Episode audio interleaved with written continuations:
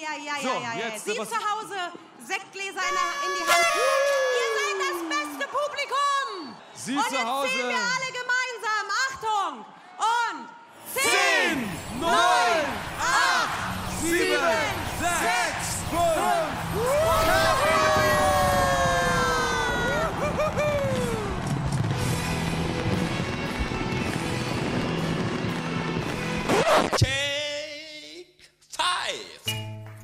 Wir wollen mehr Demokratie wagen. Heute sehen wir uns die CDU an, auch ein bisschen SPD und ein bisschen AfD, aber primär sehen wir uns die CDU. Die CDU, die CDU.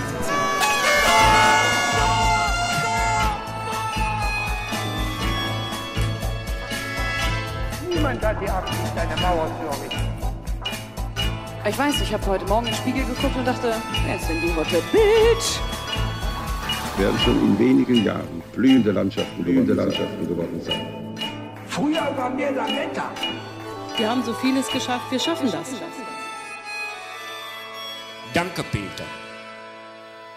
Velkommen til Tyskerne episode 134. Gratulerer med dagen, Ingrid. Gratulerer med dagen, Kai. Yes, fem år med Tyskerne. Dette her er vår jubileumsepisode. Velkommen til dere og oss. Vi må kanskje begynne med å si takk til vår lyddesigner Martin Stelzle i Tyskland, som har lagd også denne litt subtile og litt rare spesielle introvignetten for oss. Her må vi forklare litt. Den åpningen er da tatt fra programmet Fernsehgaten. eh, Med den litt irriterende programlederen Andrea Kivel. Eh, Dette er en sånn, eh, et stort liveshow, open air liveshow, veldig tullete. Men det er jo gøy å få sånn ordentlig, ordentlig, ordentlig jubel, da. Ja, ikke sant? Det fikk vi jo. Og så er det litt Helge Schneide krydret i. Det er sikkert mange som kjenner til han. Stor tysk komiker og musiker med Take Five. Eh, Så vi fikk eh, litt gratulasjoner av eh, Helge Schneider og masse tysk trash-TV. Veldig fint. Så takk igjen, Martin. Veldig stas. Fem år, helt utrolig. Skal jeg stille deg et sånn litt teit journalistspørsmål, Ingrid? Hva føler du nå? Jo. Jeg er veldig glad, jeg. Jeg er ganske flink til å gire meg opp til feiring. Og jeg liker veldig godt at vi feirer alle våre dager, alle bursdager, men også 100 episoder, og nå er det, nå er det femårsjubileum. Og det minner oss jo på at nesten alltid så har vi det veldig gøy. ja, det er sant. Jeg lurer på, når du sier det sånn, har vi egentlig ikke hatt det gøy en gang? Jeg tror ikke det. Eller jo, kanskje litt sånn alt med sånn teknisk mas. Ja. Det kan være irriterende. Jeg husker sånn under koronaperioden, når vi først begynte med disse Zoom eh, episoder hvor vi møtes på Zoom, og så er det sånn dårlig linje og sånn, så må man forholde seg litt til det. Men eh, ja, vi, vi fikk det jo til, så ja, det er alltid gøy. Helt enig. Og så håper vi også at eh, lytterne har hatt det gøy. Og i hvert fall så har dere gleda oss nå med å sende inn eh, mange spørsmål. Det Ja. har vi jo bedt om.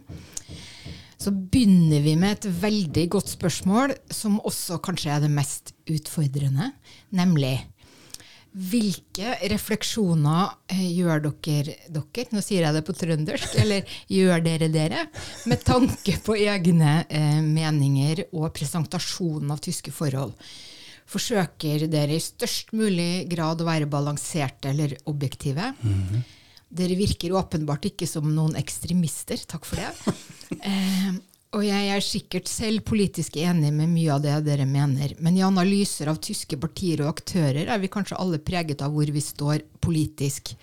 Og mye tysk politis politikk er jo utilgjengelig for oss som ikke kan språket.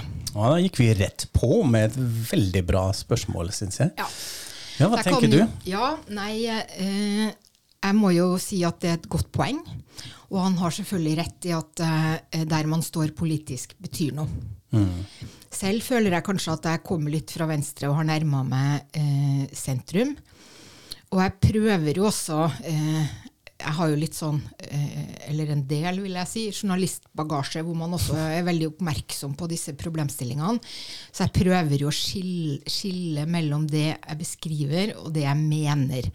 Men det er nok ikke alltid at jeg klarer det her, fordi vi har denne mer sånn pratende tonen som ikke føles like streng. Det er ikke så strengt som det er på jobben, må jeg jo si da. Heldigvis. Ja. Men uansett så syns jeg jo sjøl at det viktigste skillet i dagens politikk går mellom den autoritære trusselen og det demokratiske. Og Derfor så prøver jeg jo også å la være å gjøre narr av demokratisk eh, valgte politikere og forklare ting med en viss varme. Men det er selvfølgelig unntak, og det vet jo dere som hørte episoden om den forrige forsvarsministeren som gikk av.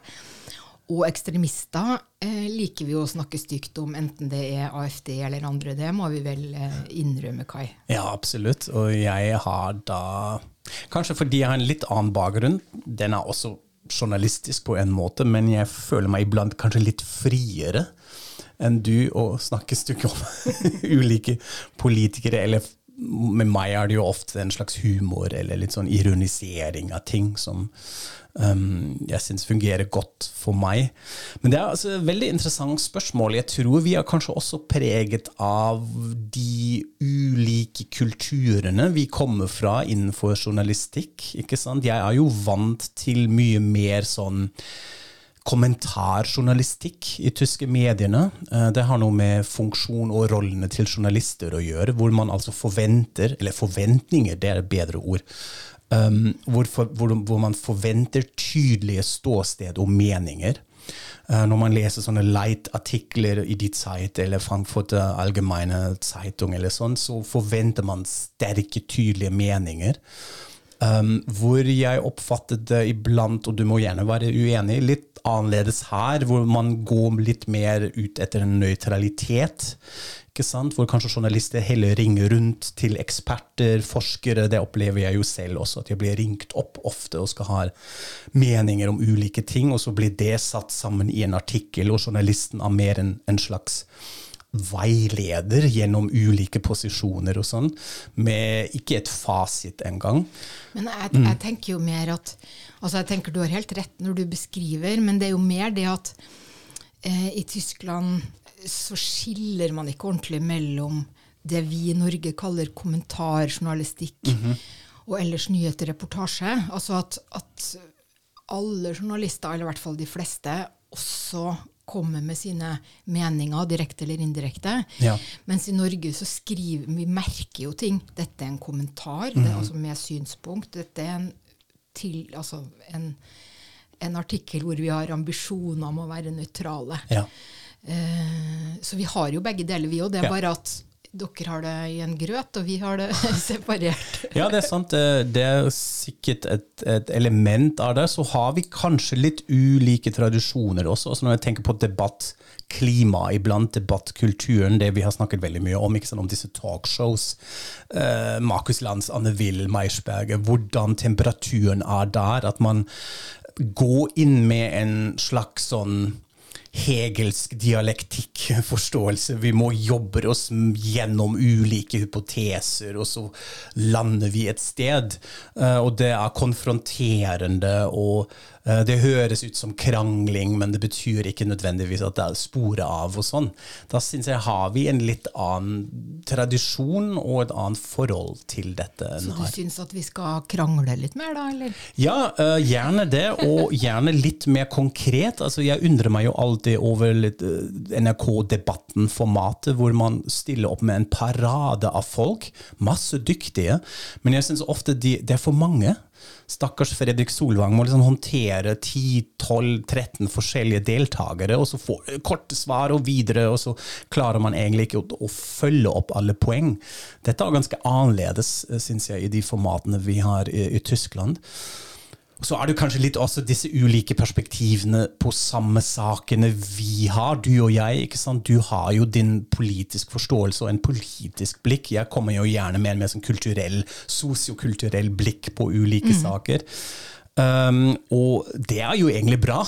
Kanskje Ja, det er det, bra. det som utgjør hvordan vi snakker her. Men da må man jo iblant også ta noen sånne justeringer iblant, realitets... eh, reality checks. Eh, jeg må alltid tenke på mitt eh, blikk på Angela Merkel gjennom årene, da vi begynte med den podkasten.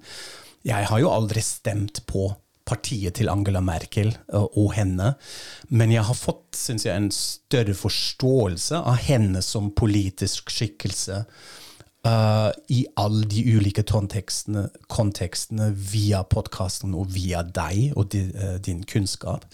Så sånn sett har man, uh, tilpasser man seg. Veldig bra spørsmål. Jeg føler jeg Ja. må tenke litt mer på den. Det er utrolig bra. Skal vi se på flere her? Vi har jo printa det ut her. Jeg må se på disse sedlene mine her. Ja, det er jo også veldig gøy. Vi fikk nemlig et spørsmål av en, en, eh, et søsterpodkast, kan man kanskje si. Nesten norvegers. Og det er veldig gøy. Dette er en podkast av to uh, unge tyske damer. eh, Victoria Kau og Laura Herzig, som bor i Norge, og de har bodd i Norge en stund. Og de lager på en måte litt sånn motsvar av det vi gjør, fordi de snakker om Norge på tysk. Eh, og så går de gjennom ulike temaer. De diskuterer mat, språk, helsevesen, olje, altså alt det som man lurer på. Men på høyt nivå. De, de har en litt sånn plauderton, som vi sier på tysk. altså Det er en avslappet tone, men de snakker, de går ordentlig i dybden, og det er en del research der. Og så snakker de seg gjennom ulike temaer. Og eh, ja, vi kan anbefale den, spesielt eh, til alle selvfølgelig som hører tysk, eh, eller hører på å snakke tysk. Og hvis man får det spørsmålet hvordan er det i Norge, så kan man anbefale det. Fordi Victoria og Laura har som sagt bodd her.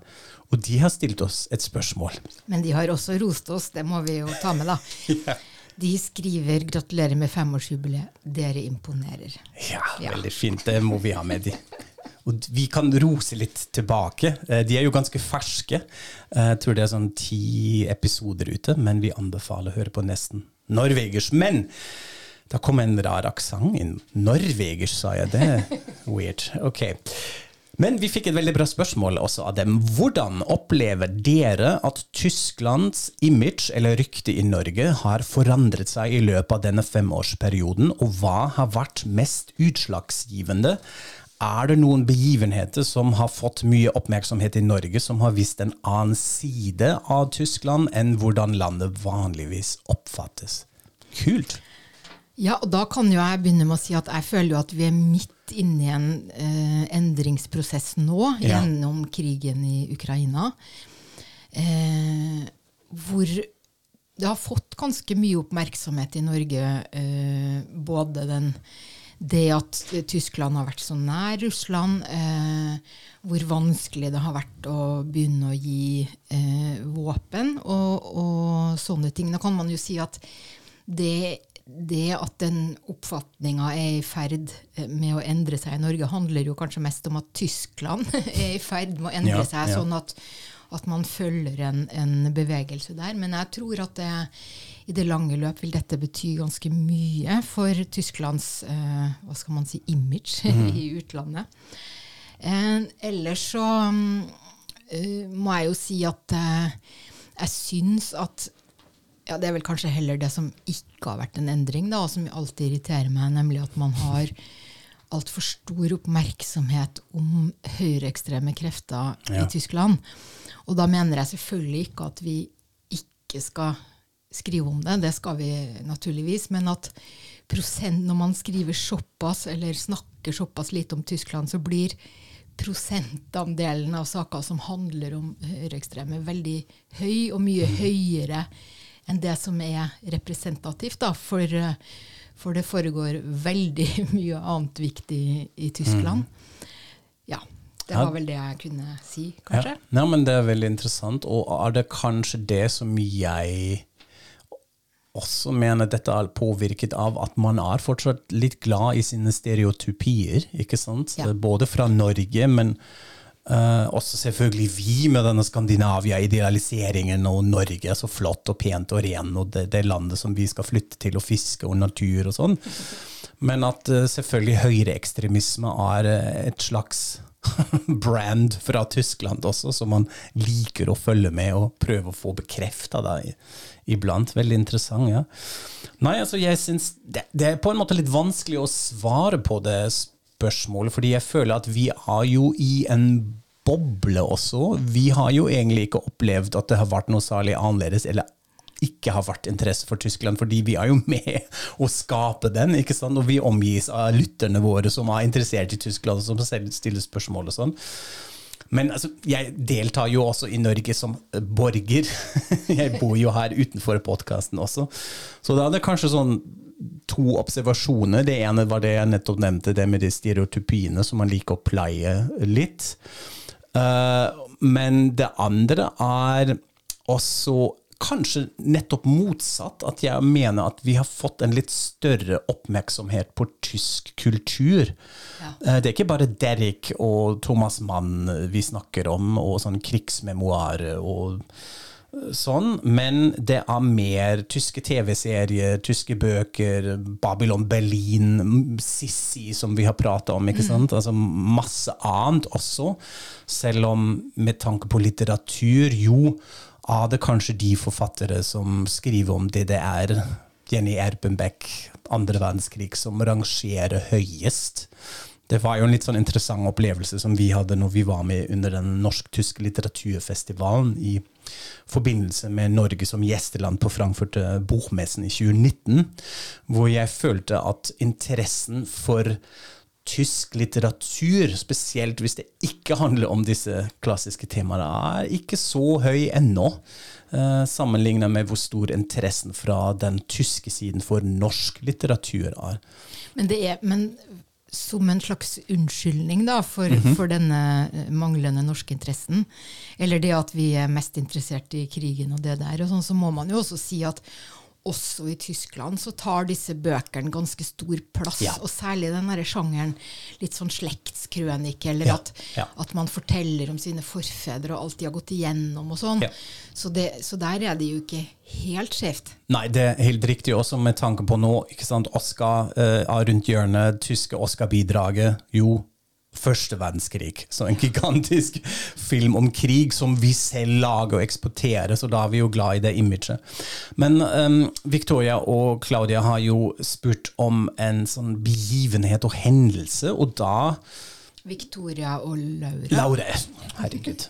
Beklager. Veldig bra. Takk at du følger med mens jeg finner på navn her. Um, spurte om Fins det en sånn begivenhet eller en hendelse? Og da vil jeg kanskje si at denne flyktningskrisen, i anførselstegn kan man jo si, fra 2015, um, henger fortsatt litt med, også da vi starta podkasten i 2018, ikke sant, med å ha forandret det bildet av Tyskland. Uh, en mer åpen og tolerant uh, imageblikk istedenfor å være vanskelig og lukket og rar og litt sånn byråkratisk. Ja, og så tenker jeg at på grunn, nettopp pga. flyktningkrisen så ble jeg jo også Merkel eh, mye omtalt og omskrevet. Og jeg ja. vet jo det i avisa. Når, man, når vi hadde Merkel i en tittel, så ble saken ofte veldig godt lest. Ja.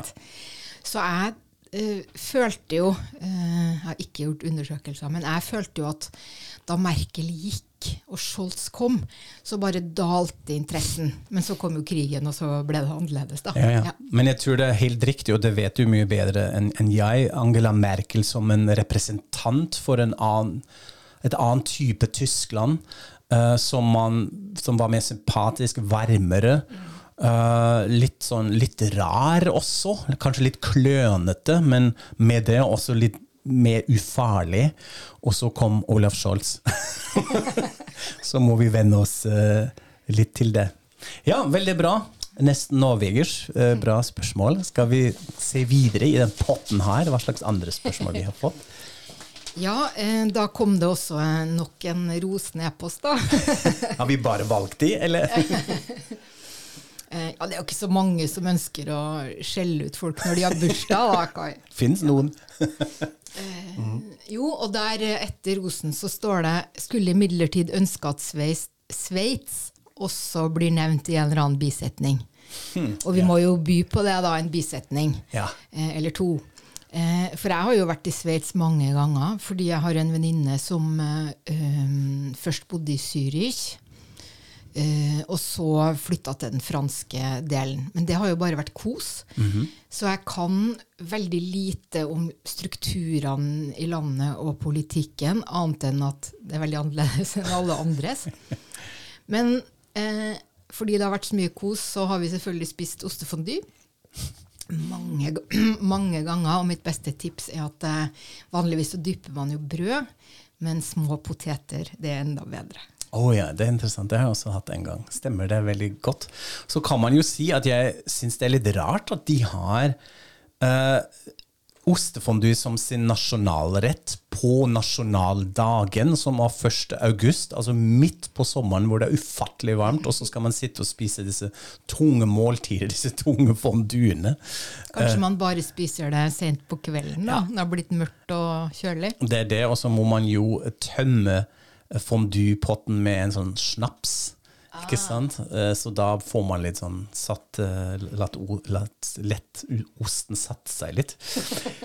Ja, jeg også um, Jeg er også litt kjent med Sveits. Jeg hadde en kjæreste i Basel en stund, så jeg pendla litt inn og ut av eh, Sveits i eh, ja, noen år, faktisk. og er ganske godt eh, kjent der.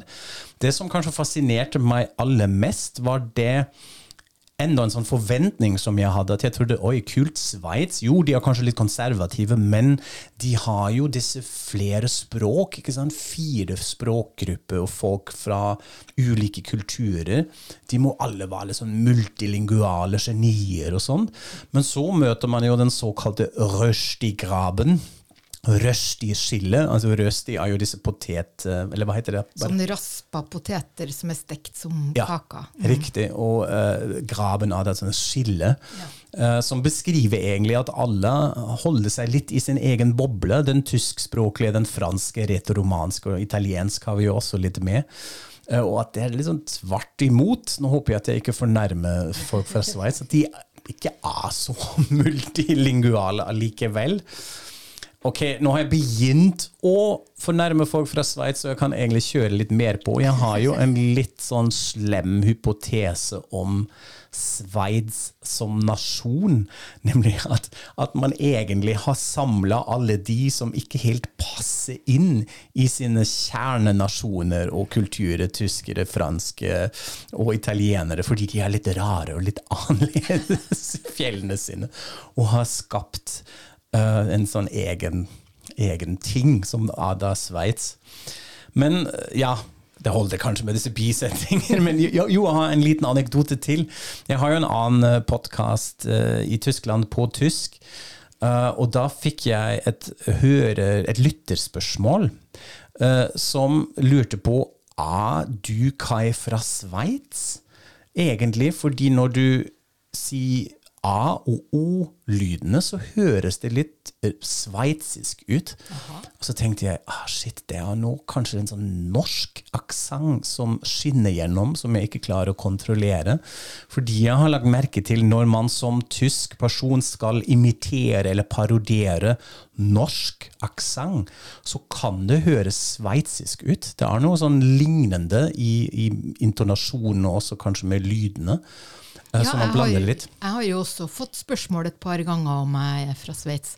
Ja. Jeg ble jo mest stolt, da, fordi det høres ut som jeg kan, kan skikkelig bra sveitsertysk. Men Mm. eh, ja, nei, du har sikkert rett. Det er noe med tonefallet. Mm, Men vi kan gjerne snakke litt mer om Sveits. Det er sant. Vi kan se litt hva som skjer der, og ta det litt med. Men for dere som kan tysk, så kan vi jo også anbefale en uh, veldig bra uh, podkast som heter Servus Grüezi Hallo. Og der er det en østerriker, en sveitser og en tysker som snakker om uh, forskjellige tema. De har holdt på veldig lenge, så de har en veldig sånn god tone. Ja. En slags blanding av uh, fakta og humor, og at man gjør litt narr av hverandre, men likevel forklarer eh, ganske godt, da. Mhm. Litt som svensken, dansken og nordmenn-podkasten. Ja. ja. Og så har vi jo fått et par helt supre spørsmål om dubbing.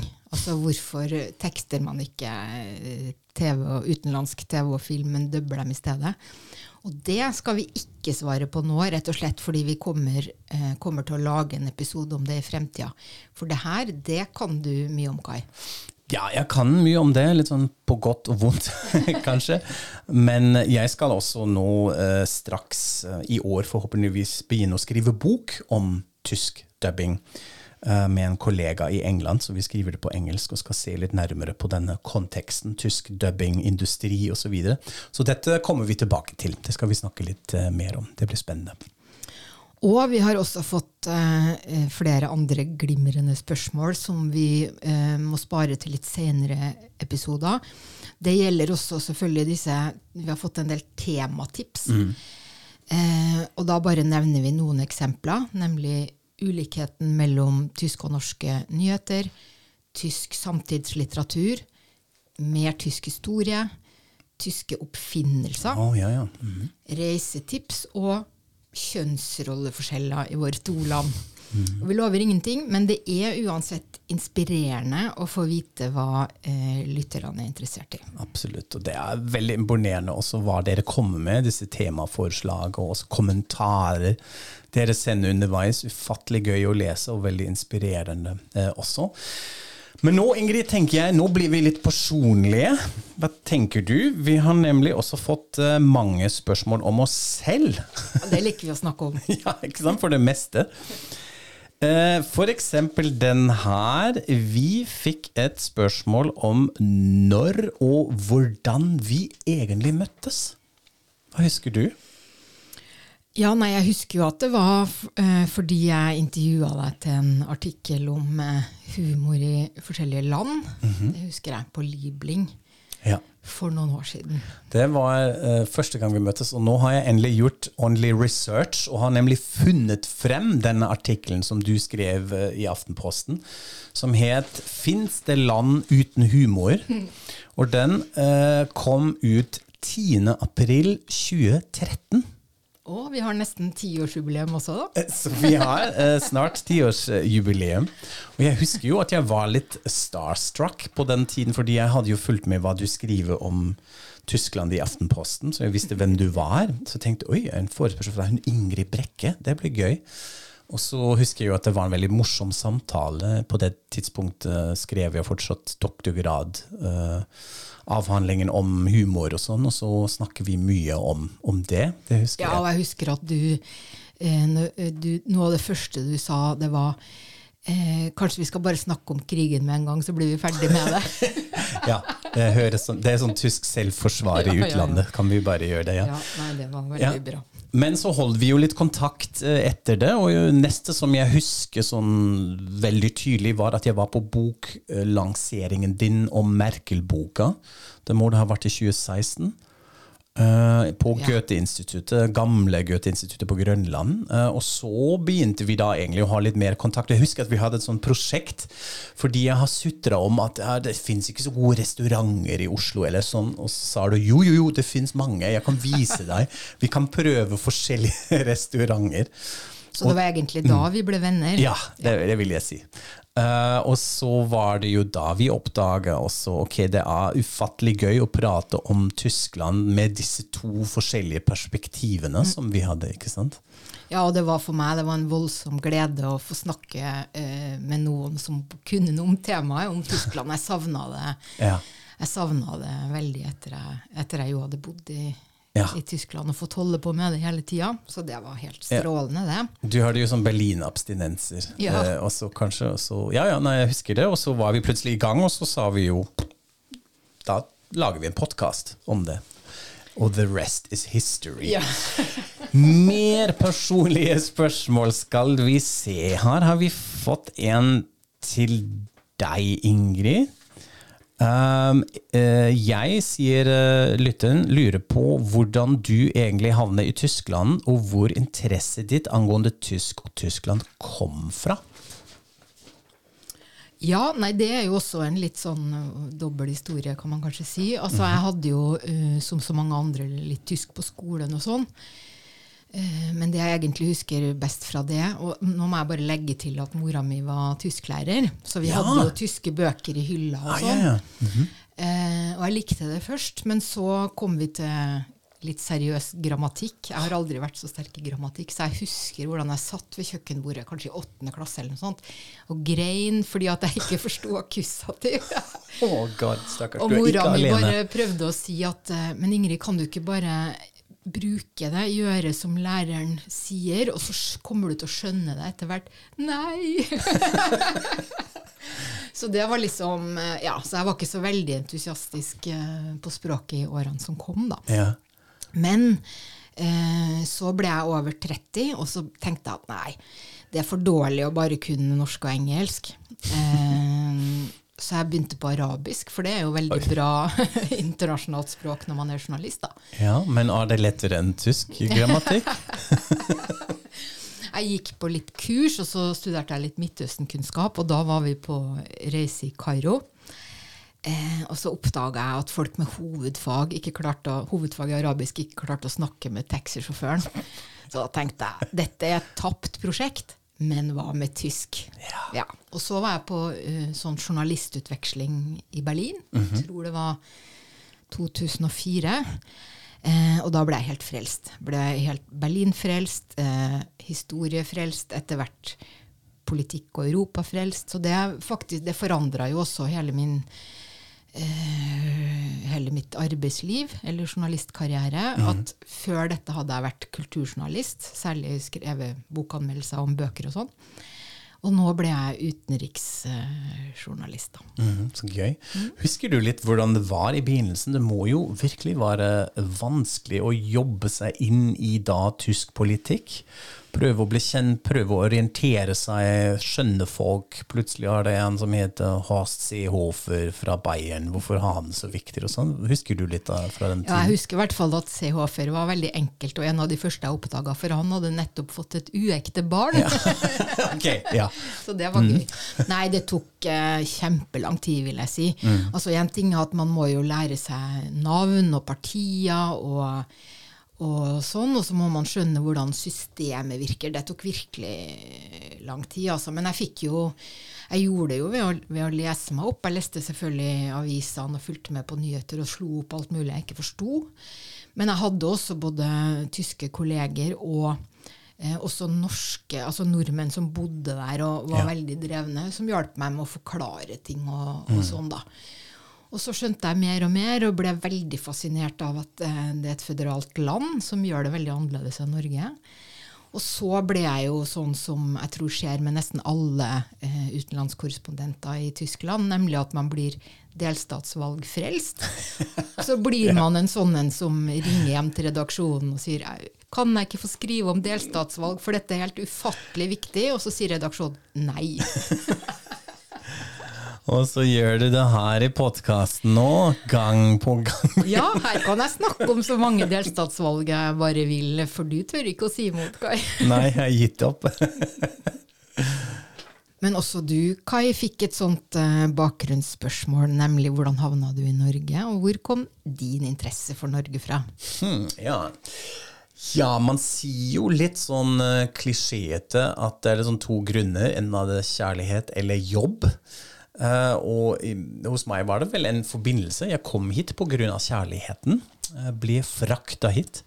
Uh, og etterpå var det da jobb. Det kom i tillegg. Og jeg husker jo at dette var ganske vanskelig i starten, fordi det tok litt tid før jeg selv egentlig litt sånn innrømte at jeg hadde faktisk emigrert til Norge, mest pga. den jobbsituasjonen. Jeg jobbet som uh, frilans forfatter, journalist, eh, og skrev til ulike tyske medier fra Norge, så jeg var ganske tilkoblet til den tyske konteksten fortsatt. Det var mye reising, jeg var egentlig mye borte Uh, hjemme. Så det føltes ikke helt at jeg hadde litt sånn flytta hit. Og det var også ganske vanskelig, fordi det er jo både sånn innholdsmessig at jeg må på en måte koble meg til den tyskspråklige mediekonteksten for å kunne følge med. Men også økonomisk, ikke sant? Ikke så lurt å tjene frilanspenger i Tyskland for å bruke de i et av verdens dyreste land. Så jeg hadde en litt eh, rough periode da eh, i starten. Men så gikk det jo gradvis bedre, og da spesielt etter jeg eh, begynte med å ta doktorgrad i Norge. Dette er jo en jobb, en betalt jobb i, i Norge. Sånn er det jo ikke i alle land. Skrev du på norsk, da? Nei, jeg skrev på engelsk eh, avhandlingen min, og også jobbkontekstingen var fortsatt stort sett engelsk, og det var et sånn annet problem. Eh, jeg hadde at jeg ikke egentlig brukte norsk i en jobbsammenheng ganske lenge.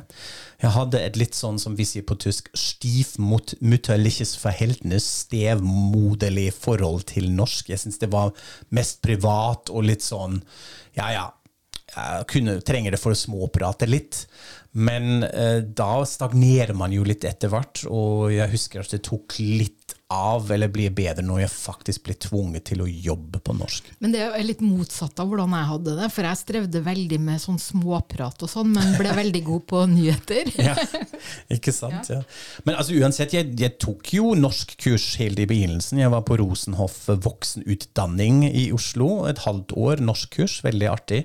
Fordi jeg ville ikke være den kjipe som var grunnen til at alle snakker engelsk på en fest osv. Og, så og det gikk jo ganske fort. Det er sikkert mange av våre tyske lyttere som måtte lære norsk, um, kjenne seg igjen. At vi er så nær med de språkene, det går ganske lett. Men så er det jo denne fine-tuningen etter hvert. Um, og så var spørsmålet med interesse, ikke sant? hvor min interesse kom fra. Nå må jeg være litt ærlig og kanskje si jeg hadde ikke noe særlig interesse for Norge før jeg kom hit.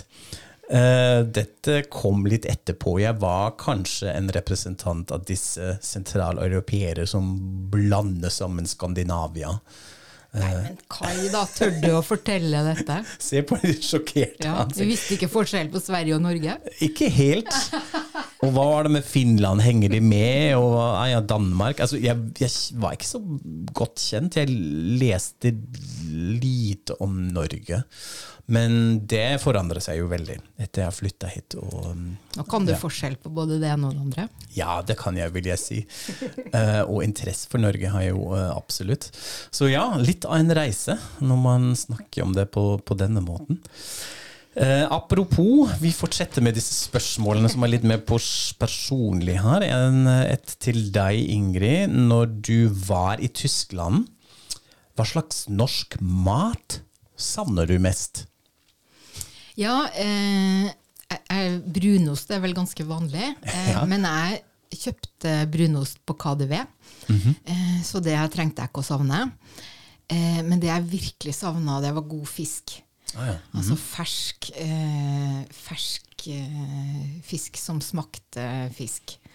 Og nå, siden vi er i gang med litt sånn fornærmelser, så må jeg jo også kanskje fornærme tyskerne litt med å si at de har jo fisk eh, på restauranter og i butikker og sånn, men det er akkurat som om den tyske når man, når man, lager fiskeretter i Tyskland, så skal det smake minst mulig fisk. Så man pakker det inn i ting, og det er litt sånn utvanna smak og sånn. Mens i Norge så liker vi jo at det smaker veldig mye fisk. Mm. Så man salter kanskje litt ekstra, så smaker det enda mer fisk. Og vi serverer med skinn og bein og alt det der. Eh, ikke inn i en sånn panering. ja, Men jeg kompenserte en god del for å spise mye god sushi. da, med å spise mye god sushi. Men det var virkelig mm. et stort savn, vil jeg si. Ja, ok. Men flaks at du er i Berlin da, og kan uh, få tak i mange ting, da. ja, nei, for all del, altså. Men mm. likevel. Ja. eh, og du, du, har jo da fått det motsatte spørsmålet. Eh, ja. Hvilken tysk mat savner du mest i Norge. Ja, sant. Det er kanskje aller mest, eh, selv om det har blitt mye bedre i det siste, utvalget generelt. Å ha utvalg av ost. Uh, forskjellige typer kjøtt, god kvalitet av grønnsaker, litt sånn vognmerkte. ikke sånn marked som man har i små landsbyer, som har god, gode råvarer og sånne ting. Det Eller på Kolwitzplatz. ja, ja, sant. Ja, på Kolwitzplatz. Kjempefint. Uh, sånn generell kvalitet, og sånn apropos kjøtt og pølse og sånn, for å snakke litt mer klisjé. Også når du kjøper sånn vanlig pølse i Tyskland, de berømte currywurst, ja, currywurst, det er mye bedre kvalitet enn det man får her. Det er veldig gøy.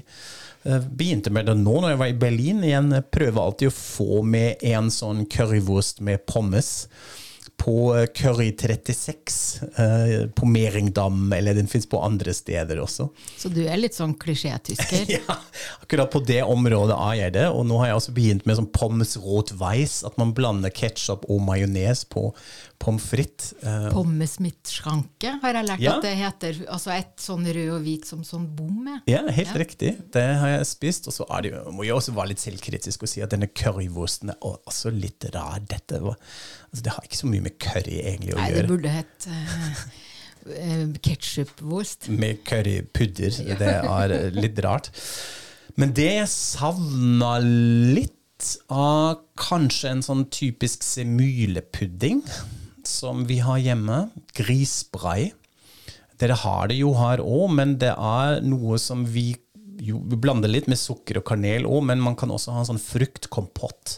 Eller bær og sånne ting med, og da får det en sånn annen flavor. Dette ble jeg påminnet eh, minnet på når jeg var i Hamburg og spiste hotellfrokost. og Da hadde de en sånn svær pott med varm grisbrei. Veldig rart på tysk. Jeg vet det høres rart ut på, for norske ører.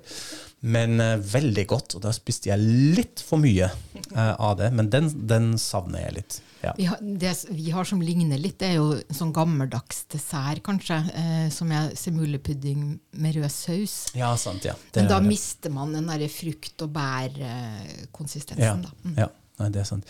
Ja, det er sånn endeløst tema. Nå, nå kommer jeg på flere ting, men må vi slutte å prate om mat, for jeg blir ganske sulten nå. Ja, for nå skal vi avslutte spørrerunden snart. Ja. Eh, eller spørsmålssvaringa snart. Med det spørsmålet som ingen stilte, men som vi aller helst ville ha. Ja. Er nemlig hvorfor har dere klart å holde på så lenge? Ja. Hva sier du, Kai? Ja, det er veldig bra. Vi har jo snakket en del om det i det siste, eh, fordi det er jo litt tid. Fem år. Selvskryt må vi ha her. Ja, for det er jo mange som starter podkast, men som eh, ikke holder så veldig Ikke lenge. sant? Og vi har jo gjort det, syns vi i hvert fall. Så er det jo kanskje en fin mulighet å forklare litt om konseptet vårt, fordi iblant får vi jo litt sånn en, sånn, en slags feiloppfatning med oss som er egentlig ganske hyggelig, nemlig at man tror at tyskerne er kanskje styrt av et mediebyrå eller tilknyttet en, en institusjon eller et universitet, som våre kollegaer i Frankrike forklarte, og Pott Britannia og sånn. De er jo direkte tilknyttet til en høyskole, selv om min høyskole Kristiania er også litt med nå, og deler oss osv., som er veldig hyggelig. Men vi er jo et hobbyprosjekt, ikke sant? Vi, vi gjør dette fordi vi syns det er gøy, og um, har gjort det siden begynnelsen, og det syns jeg jo er også det som som jeg syns er gøyest, at vi kan styre alt selv. Vi har ingen redaksjon som vi må forholde oss til, vi er den selv. Jeg elsker den prosessen når vi er liksom Ok, hva skal vi prate om i neste episode? Og det er alltid tusenvis av temaer. Noen ganger er de litt sånn dagsaktuelt styrt. Nå må vi prate om det og det fordi det har skjedd. Andre ganger er det litt sånn store evige temaer. Det elsker jeg også når vi tar sånne deep dives i litt, litt for kompliserte, for komplekse temaer, og jeg elsker den type research. Og så har vi blitt ganske gode til at når vi sier sånn Dette bør vi snakke om, så sier vi nei. Vi gjør hva vi vil. Ja, ja, ja veldig godt poeng. Det, det er også veldig sant. Det gjør vi også. Nå burde vi egentlig fordype oss i det. Nei, vi orker ikke. Uh, og det er jo veldig fint at vi kan gjøre det på den måten, fordi da kommer jo uh, det andre inn. ikke sant? Vi blir ikke tvunget til å snakke om som vi egentlig ikke har lyst til å snakke om, og vi kan alltid løse det på den måten som vi gjør i den uformelle pratetonen her. Og jeg må jo også si en ting som jeg elsker med det, er det jeg har lært av deg aller først. Uh, det å gjøre dette her med deg, med all den kunnskapen og det du også tvinger meg til å sette meg inn i, som jeg syns er ufattelig gøy. Så jeg har jo aldri vært nærmere hjemlandet mitt enn nå i de siste fem årene, fordi jeg følger med som jeg aldri har uh, gjort før, og det er veldig gøy. Og ikke minst har jo både du og jeg blitt kjent igjen ute i offentligheten av stemmen vår. Så vi har eh, fått, med den lille, rare nisje-nerdepodden vår, en slags kjendisstatus. Jeg var på en bakeri på Nydalen, bestilte noe, så var det en dame som sa Er ikke du Kai fra Tyskerne? Tenkte jeg yes, nå har vi klart det. Men det har skjedd med deg òg, ikke Ja, sant? og det var faktisk også i, i Nydalen, da, Ja. men på Coop. Ja. Eh, og da var det en ung mann som jobba der og sto og stabla varer inni hyllene. Og så gikk jeg bort til han og spurte om de hadde natron eller et eller annet. Eh, og så sa han å, er du i Tyskerne? Så kjente han meg igjen på stemmen. da. Men jeg må si jeg syns det er litt imponerende da, at man Ja. kjenner oss igjen på stemmen. Da har folk ganske godt uh, gehør. Ja, men det er jo litt denne podcast, uh, det podkastfenomenet, ikke sant. Det, jeg det fancy ordet er sånn parasosial interaksjon, Wow. fordi man kommer så tett på. Det er altså intim podkastmedium. Du er så kjent med de vertene. Eh, Du har de ganske tett på, bokstavelig, og da kjenner man de kanskje igjen. Så det, det er litt artig. Men du da, Ingrid, hvorfor, eh, hvorfor gjør vi det fortsatt etter fem år? Nei, jeg må jo først eh, Jeg må innrømme at jeg rødma litt om alt det fine du sa om meg, men jeg må jo returnere det. Jeg er helt enig, jeg har lært masse. Og, og det at vi har god kjemi, en eh, veldig sterk eh, drivkraft. Og at vi har denne mellomepisoden og nærmest en sånn kontinuerlig chat, hvor vi både kommer med forslag, men også er eh, private og forteller om hva vi driver med. alt det der. Det er kjempefint. Og så er det selvfølgelig min, også min glede å få holde på ordentlig med tyske greier på et eh, litt høyere nivå enn det jeg ofte ellers eh, kan. Og så må jeg jo si en ting til, da. Eh, og det at jeg elsker at vi alltid er så fornøyde med oss selv. Det er også veldig sant. Og det er jo ikke det at vi ikke liker penger, vi vil gjerne ha penger, men eh, vi er virkelig et bevis på at eh, man, det er ikke pengene som er det viktigste. Det viktigste er at vi har det gøy, at vi roser oss selv og hverandre, og at vi liksom Det er aldri noen sånne sure greier. Det er virkelig bare sånn Å, fy søren, for en bra episode det ble i dag, og sånn. Nå rødmer jeg litt at du avslørte det, hvor selvhøytidelig vi snubler ut av studio. gang. Men vi er ærlige, sånn er vi. Ja, det er sant. Veldig Ja. fint. Og så tenkte jeg også, da, eh, siden det er bursdagen vår, at jeg skulle by på noe helt nytt om deg, Kai, som jeg ikke visste før i forrige uke. Vi gikk nedover gata, og så fikk jeg vite at du faktisk står i Guinness rekordbok.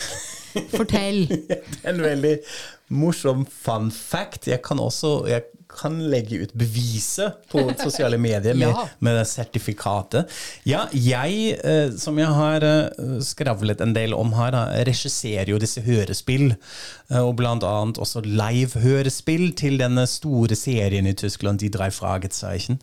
Og vi har hatt eh, et stort show i Waldbühne i Berlin, den store open air-arena. Og vi gjorde det for første gang, og så fikk vi alle et sertifikat for verdens største live hørespill foran over 15 000 tilskuere. Det er jo fantastisk. Er ikke det gøy? Og så var det en sånn representant fra Guinness-forlaget kom på scenen og delte ut disse sertifikatene. Men til visste oss. dere ikke om det på forhånd? Jo, det var, altså, produksjonen hadde, anme hadde sånn, meldt det, ikke sant? men vi visste ikke det. Så på Mm. kvelden visste vi ikke at plutselig står det en mann i dress fra Guinness-forlaget, og vi får sånne sertifikater. Det er veldig artig å ha, ha det på kontoret på veggen. Så ja, fin sånn party-banter om meg. Men Ingrid, jeg vet jo også en fun fact om deg, som jeg ikke visste før noen timer siden, når vi hadde vår lille redaksjonskonferanse her, nemlig at det første du fikk på trykk, var en novelle. Hva var dette? Ja, nei, da var jeg jo Jeg liker ikke å snakke om dette. Jeg ser det, det er litt annet kroppsspråk her. Nå, nå må vi pirre litt. Ja, nei, da, da var jeg tenåring eh, og sendte inn til en sånn eh, novellekonkurranse. Og den kom da på trykk i, i en bok med de beste fra, fra den eh, konkurransen. Og jeg var, den gangen så syntes jeg jo selvfølgelig det var stas. Men eh, jeg la fort skjønnlitteraturen på hylla og ble heller journalist. Ja. Hva handler den om? Nei, den eh, Som sånne tenåringsting flest, så handla den noe om kjærlighet. Aha, ok. Jeg prøver å, drille deg litt mer. Uoppfylt kjærlighet, eller noe sånt? Jeg vil kalle det en slags eh, abstrakt ønskedrøm.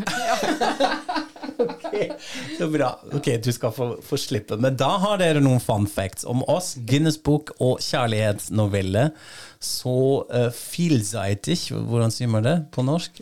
Eh, om- Mangfoldig. mangfoldig Mang- vi- mangesidig. Mangesidig. Flersidig, ja. Mm. Ja, dere vet hva. Dere er jo med i vår uh, norsk-tysk uh, rar språksaus her. Uh, har vært det i fem år.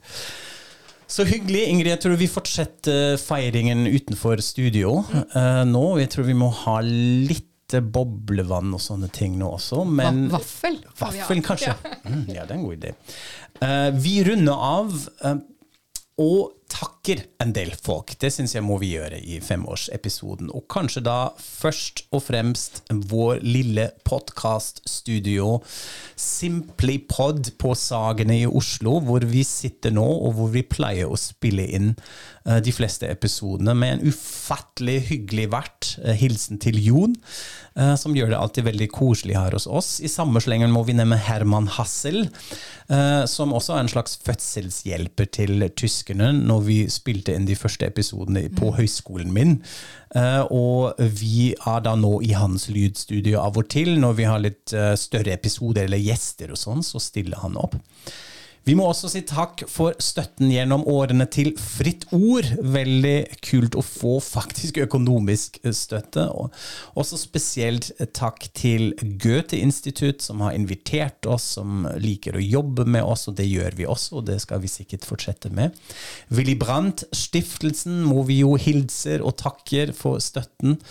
Og så syns jeg vi må gi en liten shout-out til NRK Utenriks og Studio 2, hvor vi vet at vi har trofaste lyttere.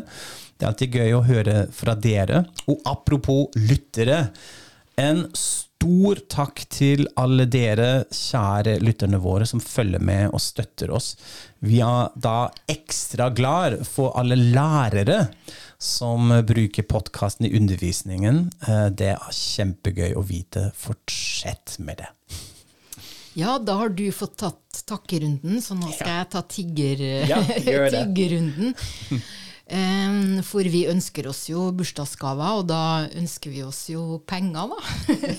så, så følg gjerne bli medlem av eh, Patrion, eller det går an å vippse eh, ønska beløp til eh, vips nummer 619944 619944. Og dersom du ikke kan eller vil gi penger, så blir vi også glad for stjerner og anmeldelser eh, der dere lytter til oss. Eh, deling på Facebook, i andre sosiale medier, og at dere snakker om oss med venner og andre. Så håper vi virkelig at dere følger oss i de neste fem år, ja. bis hier. Auf Wiederhören. Auf Wiederhören.